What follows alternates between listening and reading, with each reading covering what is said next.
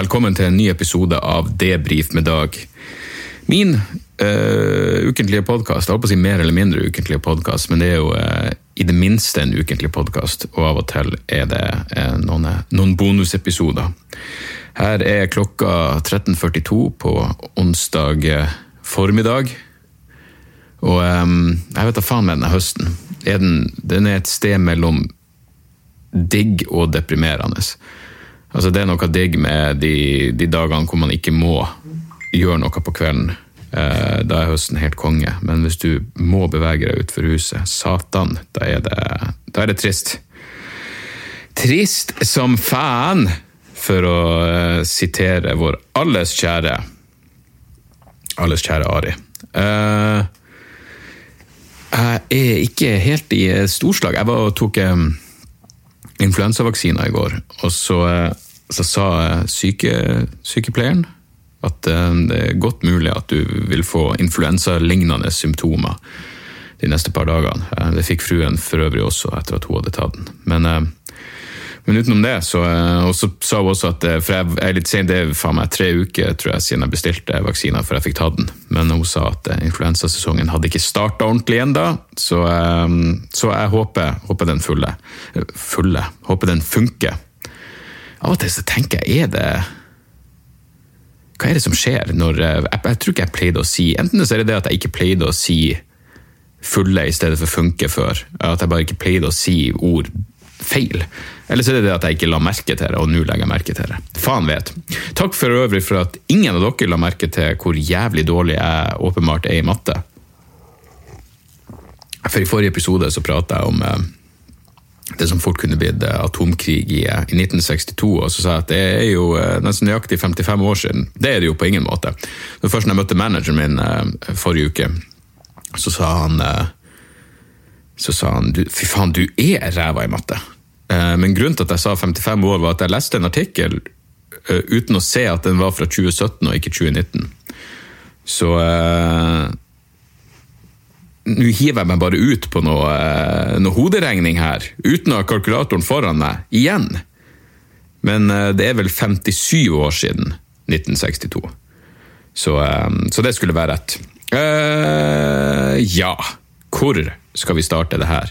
Det er vel første gang på lenge hvor jeg har fått eh, meldinger fra folk som var sånn 'Når kommer podkasten?' Fordi jeg er spent på å høre hva du har å si om en spesifikk sak. Og det er selvfølgelig Selvfølgelig Tore Sagen-saken, som nå vel omsider har eh, har begynt å, å roe seg helt ned. Uh, og uh, man lever nå og lærer i dette livet. Uh, jeg tror for det første at jeg begynner å innse at det er, det er ikke en god idé å uttale seg til media eh, i sånne her saker. Um, jeg pratet med en annen komiker som sa til meg at kommer aldri, altså komikere kommer aldri godt ut av det når man uttaler seg på denne måten. Eh, man kommer selvfølgelig i, mange tilfeller enda verre ut der hvis du skal skrive en, en kronikk i ettertid. Men, um, men ja, jeg burde Minerva, uh, den konservative tenketanken Minerva Eh, de stilte meg noen spørsmål. Og når du får spørsmålene via mail, så er det jo ganske greit, for da vet jeg at eh, da, da vet jeg hvordan det blir. De, de, tukler forhåpentligvis ikke med direkte sitat på den måten, og det gjorde de heller ikke. Men eh, så uttalte jeg meg til VG og sa stort sett det samme, men jeg, ble, jeg havna i en artikkel, og her er problemet, hvor VG setter mitt tryne sammen med bl.a. Trine Lise Olsen, som uttalte av og til er det lov å holde kjeft. Så nå havner jeg under ei sånn overskrift. Og det var jo ikke, jeg vil ikke assosieres med hennes synspunkt på noen jævla måte, fordi jeg er ikke enig med henne i det hele tatt. Um, og da innser man at straks du sier noe, så er det utenfor, så er det utenfor din, jævla, din jævla kontroll. Men fordi Her er, fordi, her er for de av dere som, eh, som har vett nok til å ikke drive og kaste bort tid på Twitter. Men det her var vel på um, det må ha vært på fredag at den saken begynte å at det begynte å, bli, begynte å bli oppstyr. Og siden jeg hadde uttalt meg til både Minerva og VG, så slo jeg inn eh, mitt navn på Twitter. For her er jo faktumet, for de av dere som ikke vet hvordan Twitter fungerer. Folk kan skrive til deg direkte, eh, eller tagge deg i en beskjed, men da må de jo tagge brukernavnet ditt. Men særlig hvis folk er uenige med deg eller bare skal skrive dritt om deg, så, så tenker de ikke meg direkte, da skriver de bare Dag Sørås. Så av og til sjeldnere og sjeldnere, fordi det er rett og slett uh, uinteressant. Men fordi jeg faktisk hadde uttalt meg om en pågående sak, så slo jeg inn mitt navn. Og en av de tingene som kom opp, var uh, en tweet fra samfunnsdebattant og skribent Muhammed Abdi. som skrev Han skrev noe sånt som 'Hvem er Dag Sørås? Nok en wannabe-komiker'. Og da, da, refererte han til det jeg hadde sagt til, til Minerva.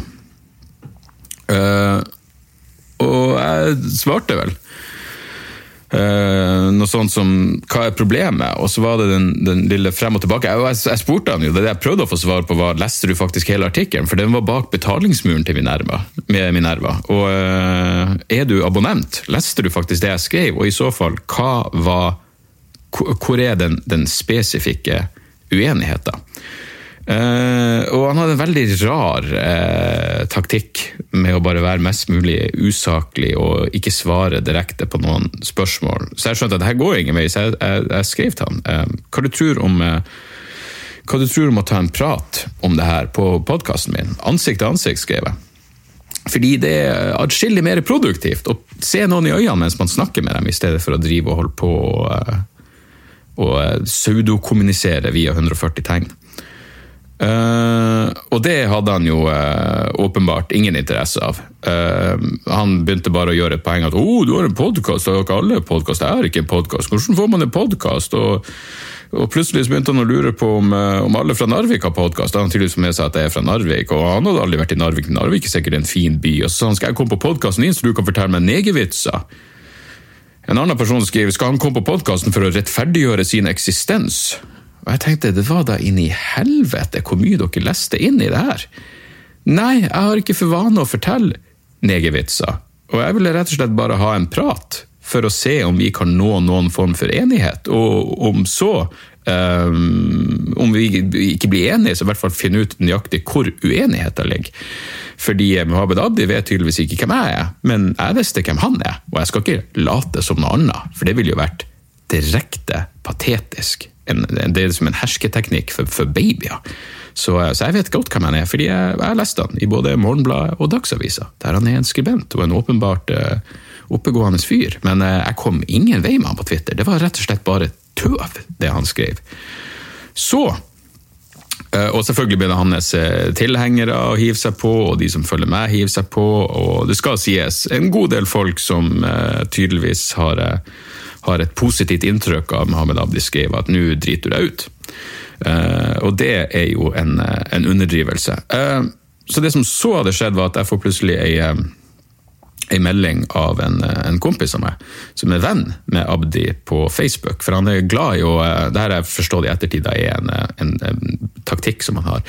Han legger ut innlegg som kun vennene hans kan se, hvor han prøver å, å prate dritt om folk og liksom få opp stemninga for å for å lage konsensus om at vi har med et forferdelig menneske å gjøre. Hvor han skriver om meg, da, og, og han skriver om sine Hva det var han hadde? Han hadde hverdagsutfordringer og en podkastfobi.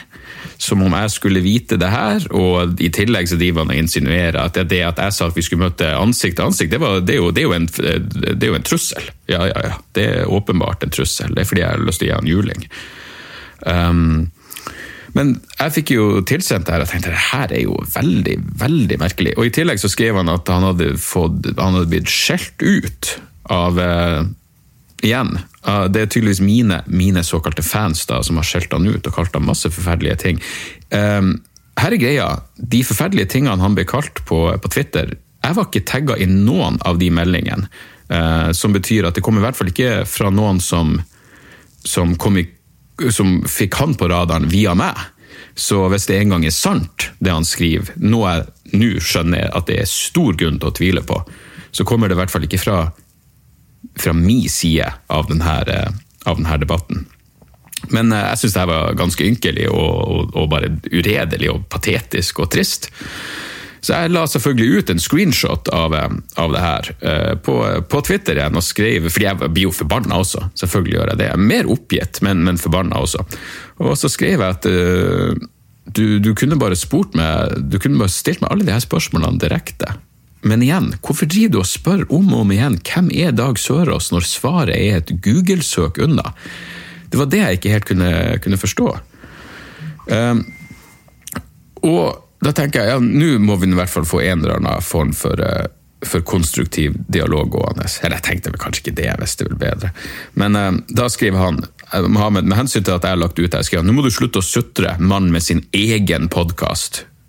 Og da skrev jeg bare 'du er på Trump-nivå'. Det her er jo bare trist. Da skjønte jeg at eh, man kommer man kommer ingen vei med det her mennesket. I mellomtida så hadde jo noen, eh, og så var det selvfølgelig også noen når de så det her, som la ut linker til ja, de har vært på podkast bare for noen måneder siden, så podkastfobien må jo ha blitt ganske akutt i forbindelse med at jeg inviterte han på, eh, på min podkast. Så Abdi er for stor for podkasten. Jeg vet ikke engang om jeg tenkte på denne podkasten eller, eller, dialogisk, så Abdi er for stor i motsetning til liksom Brian Cox og, og, og Harald Eia. Han må heve seg litt over det fordi han har en podkastfobi som har slått akutt inn eh, de siste månedene. Um, men igjen, han driver hele tida og spurte hvem jeg er, så det, det førte nesten til at jeg kunne komme opp i en sånn eksistensiell krise, hvor jeg begynte å tenke hvem er jeg egentlig? Og det får du skate meg på Twitter òg, hvem er du egentlig? Og her må, her må man faen meg gå dypt. Uh, men nå var jo Abdi uh, Jeg hadde jo uh, delt at han jeg prøvde å eksponere det uredelige Jeg prøvde å eksponere han som den uredelige ekkokammertilhengeren han faktisk er. Så da skrev han noe mer eller mindre saklig via ei Tumbler-side. Uh, Nå har ikke jeg min egen Tumbler, så jeg vet ikke helt hvordan det fungerer. Vi er ikke alle så fancy at vi har vår egen Tumbler. Men det her kommer jo etter at han er relativt blottlagt. Og la, la, oss understreke at det her er en, en seriøs mann, en, en journalist, en intellektuelle ledestjerne når det kommer til norsk identitetspolitikk som i tillegg gjør uendelig narr av meg på bakgrunn av hvor jeg er født. Han gjør narr av meg på bakgrunn av fødebyen min uten å se noen form for eh, ironi i det her. Og Jeg skjønner jo etter hvert at han kanskje, kanskje han bare troller. Kanskje han bare er et troll. Men hør her, jeg syns ikke du kan være et troll når du føler for det, og så av og til um, av og til være, være blodseriøs. Jeg syns det er ganske uh, Jeg syns det er ganske, um, ganske uærlig. Um, Først og fremst fordi jeg hater uh, trollmentaliteten. Ikke sant? Fordi du, du, du prøver du, Det er fake, fordi du, står ikke for noen verdens ting. Det, det, er som komikere som kun sier ting for å provosere. Det er ganske tomt og feigt. Du står ikke for noen ting. Du, vil gjøre folk sint. Hva er det for noe? Du gir noen en ufrivillig jævla fysiologisk reaksjon. Gratulerer! Du kunne like gjerne, kunne like gjerne chila deg mot deres vilje og konkludert med at du er et humorgeni, fordi de lo jo. Ja, det var motvillig. og du har ingenting å ta noe jævla ære for her. Så, um, så, ja, jeg vet ikke helt hva hans greie er, men jeg fikk jo meldinger fra flere eh, redelige, oppegående folk som har vært i eh, debatter med han her fyren tidligere, som sa det her er modus operandi, det er sånn som han holdt på. En av dem sendte meg ja, det, det, er så synd at folk skriver mellom oss, for da kan jeg ikke gå ut med, med navn. Men han sendte meg bare et bilde av en vegg hvor det sto eh, du får nok mer ut av å diskutere med den her enn du gjør av å diskutere med en viss samfunnsdebattant. Og det er jo betryggende, for da skjønner jeg at det, det, det er sånn her han holder på. Um, men igjen, det, det, det, er trist at åpenbart oppegående folk oppfører seg på denne måten. fordi det betyr at de, de, de, gjør jo ikke det de gjør for å gjøre verden til et bedre sted. Det, det handler ikke om å gjøre ting bedre i det hele tatt. Det, um, ja, nei. Så det var trist, og mest trist av alt er at jeg bare innser hvor mye bortkasta tid det her er. Jeg mener, jeg var jo kommet hjem fra Latter, jeg var i, eh, jeg var i relativt godt humør. Klokka var halv ett på kvelden, og jeg ble jo faen sittende oppe sikkert i halv fire-tida og holdt på med det her faenskapet. Helt bortkasta tid! Jeg burde bare sove. Jeg får jo mye mer ut av å sove. Uansett hvor jævlig mareritt du måtte ha, så får du jo mye mer ut av å sove enn du gjør av å eh, prøve å ha en eh, Twitter-debatt med Mohammed Abdi. Um, men ei som jeg kritiserte i, i, i, i VG og Minerva, er jo Marian Hussein fra SV. Fordi hun, hun gikk ut og sa at hun ville ha rehabiliteringstiltak av de hvite guttene i humoravdelinga på NRK. Og, og, Tore Sagen er enda et symptom på, på rasistisk kultur i kanalen. Så det jeg sa, var jo om Tore Sagen sitt innslag så sa jeg bare jeg syntes det var flaut å høre på, og det var vel hele poenget. Han vant den interne flauhetskonkurransen. Men hvis Marian Hussein oppriktig tror at Tore Sagen er en rasist, og et symptom på en rasistisk kultur i NRK, så vinner hun den eksterne flauhetskonkurransen. Um, så hun delte det her. Uh, hun delte VG-artikkelen på Twitter, og så skrev hun at um, hva var hun skrev? Hun skrev at jeg har lav humorkompetanse. Jeg var en snowflake med lav humorkompetanse. Som er litt sånn rart, for da handler det plutselig om humor, det her som det gjorde i utgangspunktet. Da handler det plutselig om humor og ikke rasisme. Og hun føler at hun som politiker skal uttale seg offentlig om hva som er morsomt. I tillegg så krever hun intervensjon i NRKs internt anliggende. Jeg mener, jeg tror ikke hun skjønner hvor alvorlig det her egentlig, egentlig er. Jeg mener, Hvis hun skal belære meg om humor, så burde kanskje noen belære hun om skillet mellom politikk og media. Jeg mener, Hun er jo en god grunn til å aldri igjen stemme SV. Hun er jo en, Det er jo en legitim sjanse for at hun fort kan havne i en, i en maktposisjon. Og Hun er jo kjent for å påberope seg retten til å unngå kritiske spørsmål ved å si at hun får så mye hets hver gang hun uttaler seg. Og Jeg tviler ikke på at hun mottar sykt mye hets, men hun har fortsatt mye å svare på. Så har hun påpekt at hun ville rehabilitere rasistene i NRK ut i andre yrker. Uh, ok, vel, Hun sitter på Stortinget som tredje vara fordi noen andre er ute i foreldrepermisjon, men hun er egentlig utdanna vernepleier og gud, jeg håper hun forblir vernepleier. For uh, hennes tankegang er oppriktig skummel. Virkelig skummel. Uh, og hvis hun plutselig får uh, politiske muligheter til å blande seg inn i, i kultur på denne måten, så, ja, så, lover jeg, så lover jeg ikke det godt. Men utenom det så fikk jeg, selvfølgelig masse morsomme innlegg fra andre såkalte antirasister. og og det er noe, ja, Sånne ting bryr meg. Det, det syns jeg bare er gøy. Det er liksom 'Å, du har aldri sagt noe morsomt i hele ditt liv'. Vel, du vet i det minste hvem jeg er. Og det er jo hyggelig nok. Jeg har aldri sagt noe morsomt i hele mitt liv, og likevel har jeg levd av humor i 17 år. Da, da burde jeg jo i minste få kudos for det. Men, um, men ja, nei. Og så er det jo mange. Jeg mener, både, både Abdi og Marian Hussein er jo åpenbart øh, genuint engasjert i antirasistisk arbeid, men mye av de her perifere antirasister på Twitter. Herregud, altså. Jeg mener, Samme dag som flere titalls nordmenn møttes til nynazistmøte i Oslo, så prioriterer prominente norske antirasister Tore Sagen. Jeg mener, Det sier jo alt om hva det her handler om. De har funnet sin lille nisje, sin greie. og Det handler ikke om å gjøre samfunnet bedre. Handler, de, mener, de fremstår jo som bitre, trangsynte, selvgode dildoer. Og igjen dildoer i ordets rette forstand. Dildoer som i falske kuker som er ute etter å skåre billige sosiale poeng i sine respektive ekkokammer. Og uh, igjen, med, Abdi så blir jeg bare lei meg, fordi det, det, det, er så deprimerende uredelig. Det er så jævla intellektuelt konkurs. Og på sitt mest grunnleggende og fundamentale så er det måten han oppfører seg på, gjør han helt uinteressant.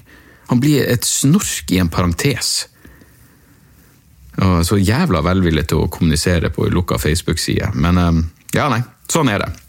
Men noen som faktisk, lykkes med å få en dialog ut av det her, var jo eh, komiker Jonis Josef. Han gikk jo hardt ut mot Tore Sagen med en gang. Og uh, inviterte han på sin podkast, og fikk et ja. Tore Sagen gikk for et ja der. Han lider ikke av podkastfobi. Til tross for at jeg tipper han har vært igjennom noen hverdagstraumer i det siste. Um, så de tok en uh, De hadde en, uh, en dialog. Uh, som jeg syns Tore Sagen kom godt ut av. Jeg må ærlig innrømme at eh, jeg mener jeg elsker Jonis, han er en god venn og en nydelig fyr, men jeg skjønte ikke hva han jeg skjønte ikke helt hva han mente uh, i denne praten på podkasten Juicy. Jeg, forstod, jeg forsto det ikke. Det jeg derimot er helt enig med Tore Sagen i, at det er ikke noe ytringsfrihetskrise i Norge. Han sa det rett ut, han har aldri følt noe, noe knebling på kroppen. Og han, ikke minst, det her er jo en ting som selvfølgelig også blir blir misforstått. Det var ikke NRK som ville fjerne eh, akkurat det her eh, det her famøse klippet fra Radioresepsjonen. Det var Tore Sagen sjøl som ville fjerne det. Han sa, og han tenkte jo som rett sikkert det, at hvis vi ikke fjerner det, så kommer det til å spre seg videre, og så blir bare debatten å fortsette. og Det kommer så mye dritt ut av det her, og folk misforstår åpenbart. og han har, Som han sa, han har støtt de feile folkene, og da da vil han fjerne det. Uh, kan man jo selvfølgelig debattere om det er en rett avgjørelse eller ikke, men, men det er jo viktig å påpeke at det var Sagen sjøl og ikke NRK som ville fjerne det her klippet. Så um, Uh, og som sagt, jeg er enig med Tore Sagen i at uh, det er ikke noe ytringsfrihetskrise. Og som jeg sa til VG, fordi det kom jo selvfølgelig med det spørsmålet oh, er det noe man ikke kan kødde med, og alt det der. Så jeg kan prate om nøyaktig det jeg vil. Det er fordelen med å ikke ha en sjef. Uh, det eneste jeg egentlig trenger å forholde meg til, er dere, mitt publikum. og det var det jeg også tenkte med Radioresepsjonen. Ideelt sett så burde de kun brydd seg om hva deres lyttere, de som faktisk hører på dem. Det er kun deres mening som burde bety noe i dette tilfellet. Så, ehm, så ja. Men igjen, saken blir jo eh, Det er jo bare trist og bortkasta tid, og man innser jo etter hvert at hovedproblemet er jo den klikkbaserte forretningsmodellen til media. Og denne saken har jo alt du kan drømme om. En kjendis, sterke følelser, ordet rasisme. Hva mer kan man be om hvis man vil sikre at det offentlige ordskiftet eh, kastes bort på ingenting? eh, i tre-fire dager. Og her tar jeg jo selvfølgelig, åpenbart, selvkritikk på at jeg bidro til det. Men eh, igjen, det føltes som jeg fikk en melding fra ja, jeg fikk en melding fra noen som bare skrev hvor er det her var med det samme saken hvor er komikernes støtte til Tore Sagen? Og jeg hadde nok det i bakhodet da, da i hvert fall da VG spurte meg om å uttale meg. Fordi når komikere har gått ut eh, og kritisert Sagen, og jeg er uenig med dem, så føler jeg at du nesten har ei lita plikt til å, til å eh, komme med dine egne, egne synspunkter også. Uansett, ferdig med det. Det var jo faen meg hel sending om det, men uh, hel jævla episode om det. Men uh, det var tydeligvis flere av dere som lurte på hva jeg, hva jeg syns om, om, akkurat det her. Så, um, så sånn er det. ellers, jeg så akkurat at Faen, hvor det peip her. Bare to sekunder Jeg må se hvor uh, Ja. Faen, jeg skal på prøverør i kveld, og jeg har ingenting. Jeg har faen ikke, jeg har ikke én vits skrevet ned. Jeg må fuckings få skrevet ned noen jævla vitser. Um, jeg hadde jo latteruke nå forrige uke, og jeg fikk jo et par nye ting ut av det, men ikke, ikke nok. Det var herlig å stå med Will Franken hele uka. Fy faen, han er, han er en fin fyr, altså. Morsom. Morsom, morsom, morsom. Um, jeg så nå at um, faen er han heter? Seth Myers. Uh, hans nye uh, special på Netflix har en uh, skip Trump-knapp. Um, hvor visstnok Netflix har en funksjon med at du kan bare klikke, å, klikke over introer i TV-serier, så du slipper å se introen for uh, 1400. gang. Og Seth Myers ville at, at de skulle bruke den samme teknologien i hans comedy special til at du kan klikke bort Trump-vitsene hans. Fint tiltak, men og jeg skjønner jo at det er et fint uh, publisitetsstunt, men samtidig så er det noe Det begynner å bli problematisk. Så ikke det med at meg, Netflix hadde det kommer, Jeg kan ikke tenke meg til at det blir noe av, men at de hadde lyst til å øke muligheter for å spille av film og serier på høyere hastighet, sånn som, på samme måte som podkaster. Eh, nå var det jo heldigvis både skuespillere og regissører som gikk umiddelbart ut mot det her, så jeg håper virkelig at det ikke blir noe av. men hvis du ikke ser forskjellen i at en podkast kan spilles på 1,5 fordi Sam Harris snakker sinnssykt sakte, i motsetning til at du skal se 2001 eh, av Kubrick på 2,0 hastighet, fordi den går for sakte. Satan, altså. Jeg frykter for igjen, det er en del av total kulturell kollaps.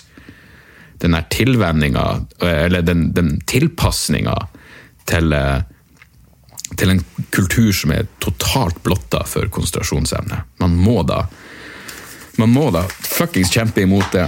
Helvete. Uh, og når jeg prater om uh, skip Trump-knappen og klikkbasert altså, Jeg leste det, her ble jeg faen meg Jeg vet ikke hvorfor jeg ble paff, men jeg leste en artikkel i Klassekampen i dag om, eh, om Julian Assange, og at um, FNs spesialrapportør for uh, tortur, den sveitsiske jusprofessoren Nils Melzer, mener at, Julian Assange sitter altså i Storbritannia. Han har nå sona ferdig, men han sitter fortsatt inne fordi de må få avklart om han blir sendt til USA for en mulig henrettelse. Eh, men han mener at Assange blir, han sitter i det som de kaller Storbritannia, Storbritannias eh, Guantánamo. Og denne spesial, FNs spesialrapportør for tortur mener at Julian Assange er utsatt for tortur. Overvåkning, isolasjon, innskrenka tilgang på rettsdokument og advokathjelp. Og han har skrevet en kronikk om det her. Eh, og den er ifølge, altså ifølge FN-rapportøren sjøl ble denne kronikken avvist av ledende aviser som New York Times, Financial Times, The Guardian og The Washington Post, og ble derfor publisert på medieplattformen Medium. Det er faen meg dypt foruroligende. For da er det jo snakk om en bevisst jævla taktikk for å undertrykke informasjon. Uh, og det her er jo liksom det her er jo virkelig mainstream media som, som, som, har fått en boost etter at Trump tok over, men de er fortsatt åpenbart dypt problematisk, fordi hvis de virkelig bevisst går inn for å undersøke særdeles relevant informasjon om at uh, ja, i The Guardian sitt tilfelle, en tidligere samarbeidspartner blir torturert av egne myndigheter, så skulle man tro at det var verdt å i hvert fall trykke den kronikken for å lage en debatt. Men nei. Nope! Da er det best å bare fortie og fordekke. Helvete heller. Og fortie og fordekke. Jeg ble ferdig nå med Ronan Farrow-boka Catch and Kill. Det er faen meg det er, mørke, det er mørke saker, altså. Det er jævlig mørke saker om hvordan eh, hvordan eh, mediekonsernet NBC bare bevisst prøvde å tie ned Weinstein-skandalen fordi de også hadde en egen prominent eh, Hva han heter Lowry? Uh, husker jeg faen ikke hva han heter. Lowry et eller annet, som sjøl bedrev seksuell trakassering og voldtekt. Uh, men han er Ronan Farrow skal faen meg ha det for, for guts, for at han fikk ut denne boka. For, for, det første for at han fikk ut denne saken i uh, The, The New Yorker, var det vel. Og også for at han fikk ut denne boka nå, som visstnok eh, selger som bare helvete. Og, og godt er det. Um, la oss ta et par mailer. Utover det så er det ikke så Jeg begynte å se på The, The Affair. Uh, jeg, jeg, likte veldig godt de to første sesongene, fordi det, virk, det virka som en uh, Jeg hørte, jeg hørte et uh, intervju med Eller en prat med Edward Norton Edward Norton var på han var både på WTF og Rogan. Jeg tror jeg var på Rogan, så sa han at uh, han har laga en, en, ny Motherless Brooklyn, tror jeg den heter. En ny film hvor han bare sa det her er en film for voksne folk, og hvis du er et voksen, tenkende menneske, så kommer du til å få noe ut av, av denne filmen. Og Jeg tror det var det jeg likte med The, The Affair. Eh, I hvert fall de to første sesongene. Det var en serie for voksne folk om voksen problematikk, men så syns jeg bare den tok en total nosedive i sesong tre og begynte å suge noe inn i helvete. Men så var det noen som skrev jeg vet ikke om kanskje jeg pratet om det her før, men noen skrev til meg at faen, det blir bedre utover i sesong tre, og sesong fire er også et stort steg opp. Så jeg tenkte at da får jeg pinne meg gjennom sesong tre, og så har jeg gjort det, og det var ikke så ille som jeg hadde trodd. Eh, så nå skal jeg Og også, eh, Grunnen til at jeg begynte å se på det igjen, var at jeg, jeg, jeg hørte at nå var sesong fem ferdig, og det er den siste sesongen, så det er uansett Jeg vet hvor mye som er igjen. Um, og jeg liker karakterene i den serien, er jævlig gode skuespillere, interessant historie. Det, det, er noe dypt det, det, er voksent, men også mest av alt er det bare menneskelig. Folk kan fucke opp og fortjene tilgivelse. Men uansett, et par mailer. Um, og så må jeg få skrevet ned noen jævla de vitser. Uh, Trine Samuelsen skriver 'du tok faktisk feil'. Uh, skal vi se, Hei, som ivrig lytter til podkasten din hørte jeg at du tippa at du ikke har faste lyttere over 50 år. Der tar du faktisk feil, for denne gamle røya er straks 55. Å, 55! Hva er du født i? 1962, eller? Uh, og siden uh, jeg oppdaga den i vår, en gang hørt på den så godt som hver uke. Du og din gjøkende laden har fulgt meg på trimturer med bikkja og slått i hjel drepende, bilturer i jobb mellom Namsos og Steinkjer. Jeg er uten tvil ikke i ditt normale segment av lyttere, men det driter jeg i. Jeg har stor glede av å få med meg pludring om stort og smått, gode formuleringer og gode resonnementer, og imponert over din kunnskap om ting jeg stort sett har begrenset kunnskap om selv. Jeg har, selvsagt også kjøpt demokrati. Hei, skål for deg! Og kos meg med det i sofakroken. Håper du tar turen til Namsos snart, da sitter jeg på fremste rad. Keep it coming med saftig barnskap og lytter gjerne. Uh, parentes, Sønn lurte en dag på når jeg oppdaga at dildo kunne brukes som skjellsord og karakteristikk av mislikte personer. som sagt, dildo! Falsk kuk! Det er et eh, kongeskjellsord. Um, du Trine, det der var jævlig hyggelig å høre, og du er ikke den første som har poengtert at, uh, at jeg har eldre lyttere. Og det setter jeg selvfølgelig fri. Jeg fikk faen meg mail fra en fyr som var i 70-årene. Uh, Syns jeg kanskje det var Ja, Atle Atle skriver hei, jeg lykke- lytter ukentlig til debrief, er også fast lytter dialogisk, og jeg er født i 1959.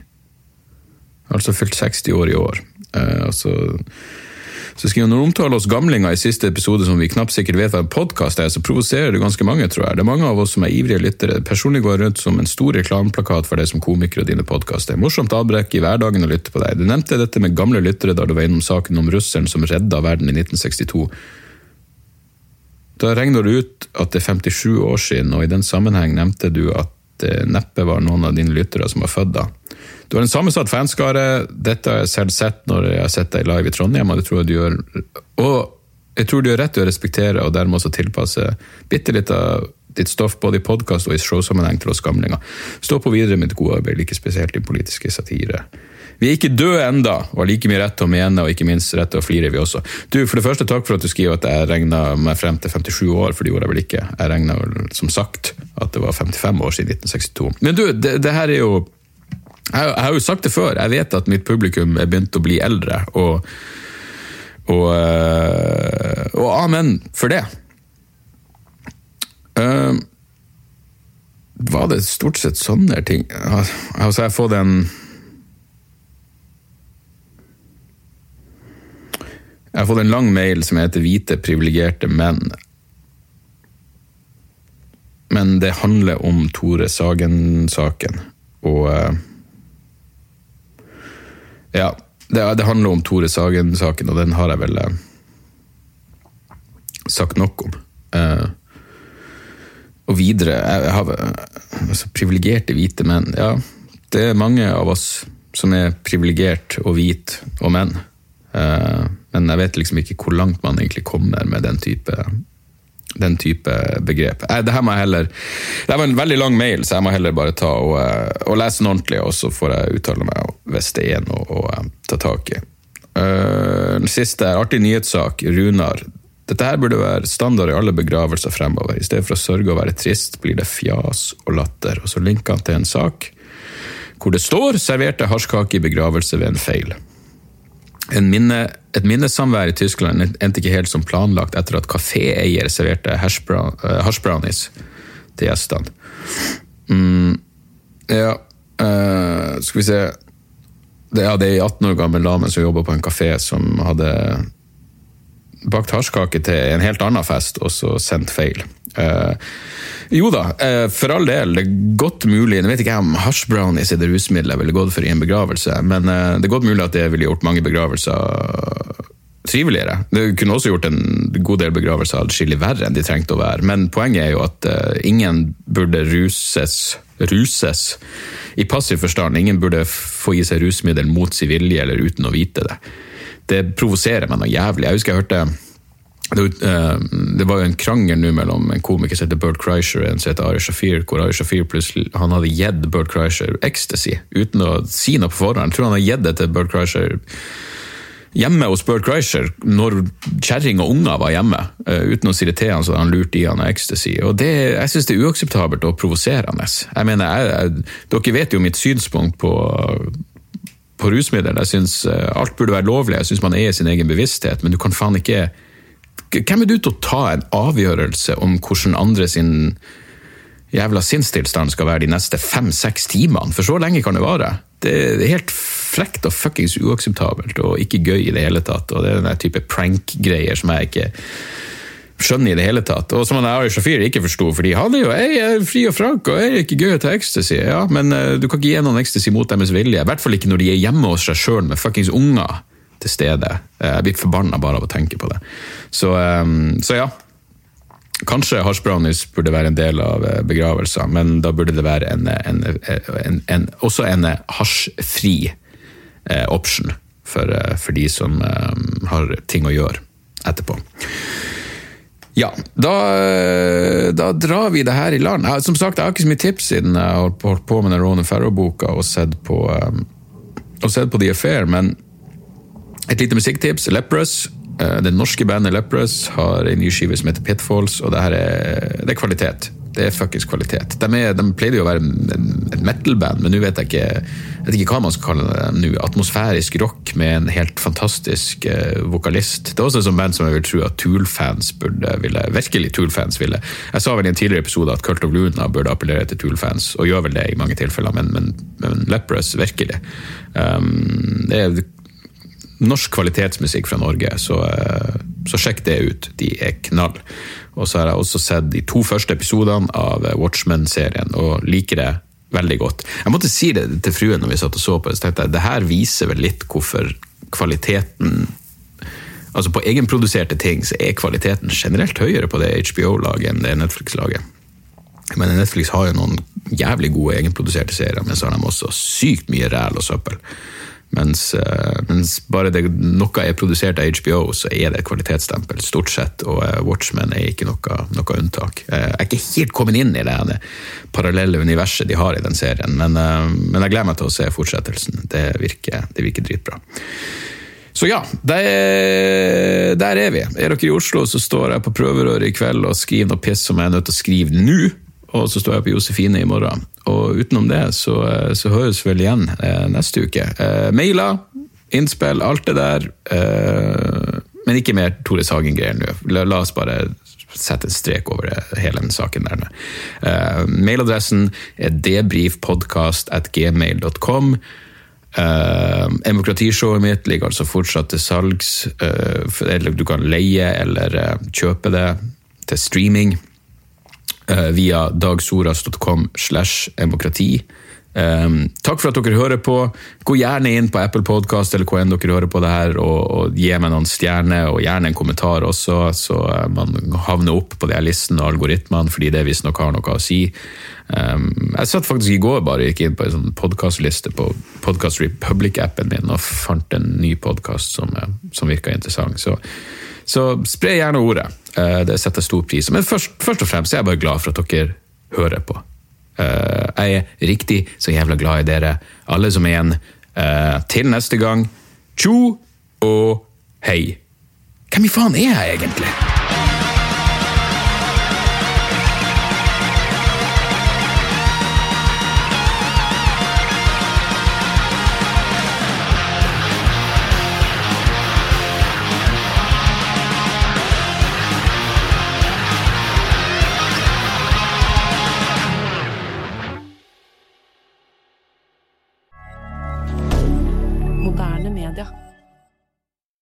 Da er det reklametid, og ukens annonsør er fiken. Hør her, jeg, jeg, jeg avskyr ordet regnskap. Ordet regnskap eh, gir meg assosiasjoner som er uhyggelige. Det får meg til å tenke på andre uhyggelige ord som ettersyn og underlivsundersøkelse. Men regnskap er et nødvendig onde, og fiken er et så enkelt regnskapsprogram at selv jeg kan klare å ha kontroll på finansene hvis jeg bruker det. Eh, du kan registrere kjøpene dine bare med å ta et bilde av kvitteringa med appen, og så kan du bare hive, hive kvitteringen. Hvor nydelig kan det bli? Og Fiken forholder seg også til regnskap med overkommelige ord. Det er ikke masse overkomplisert økonomisk terminologi. De kaller det kjøp og salg i stedet for hva enn de kaller det på BI. Og du kan, eh, du kan få fiken til å sende purringen dine, sånn at du slipper å gjøre det sjøl. Slipper du de der flaue øyeblikkene hvor du må skrive 'unnskyld meg, men det står noe utestående her, kan du fikse det fortest mulig', må jeg sende, må sende mafiaen etter deg? Nei, fiken fikser det så kan du skylde på algoritmene. Du slipper dårlig stemning. Jeg syns det er utrolig greit å slippe å styre med sånne ting sjøl, og nå kan du prøve fiken gratis i 30 dager. Hva, hva har du å tape? Bokstavelig talt ingen verdens ting. Så gå inn på fiken.no og prøv fiken gratis i 30 dager. Ok? Det var ikke så vanskelig.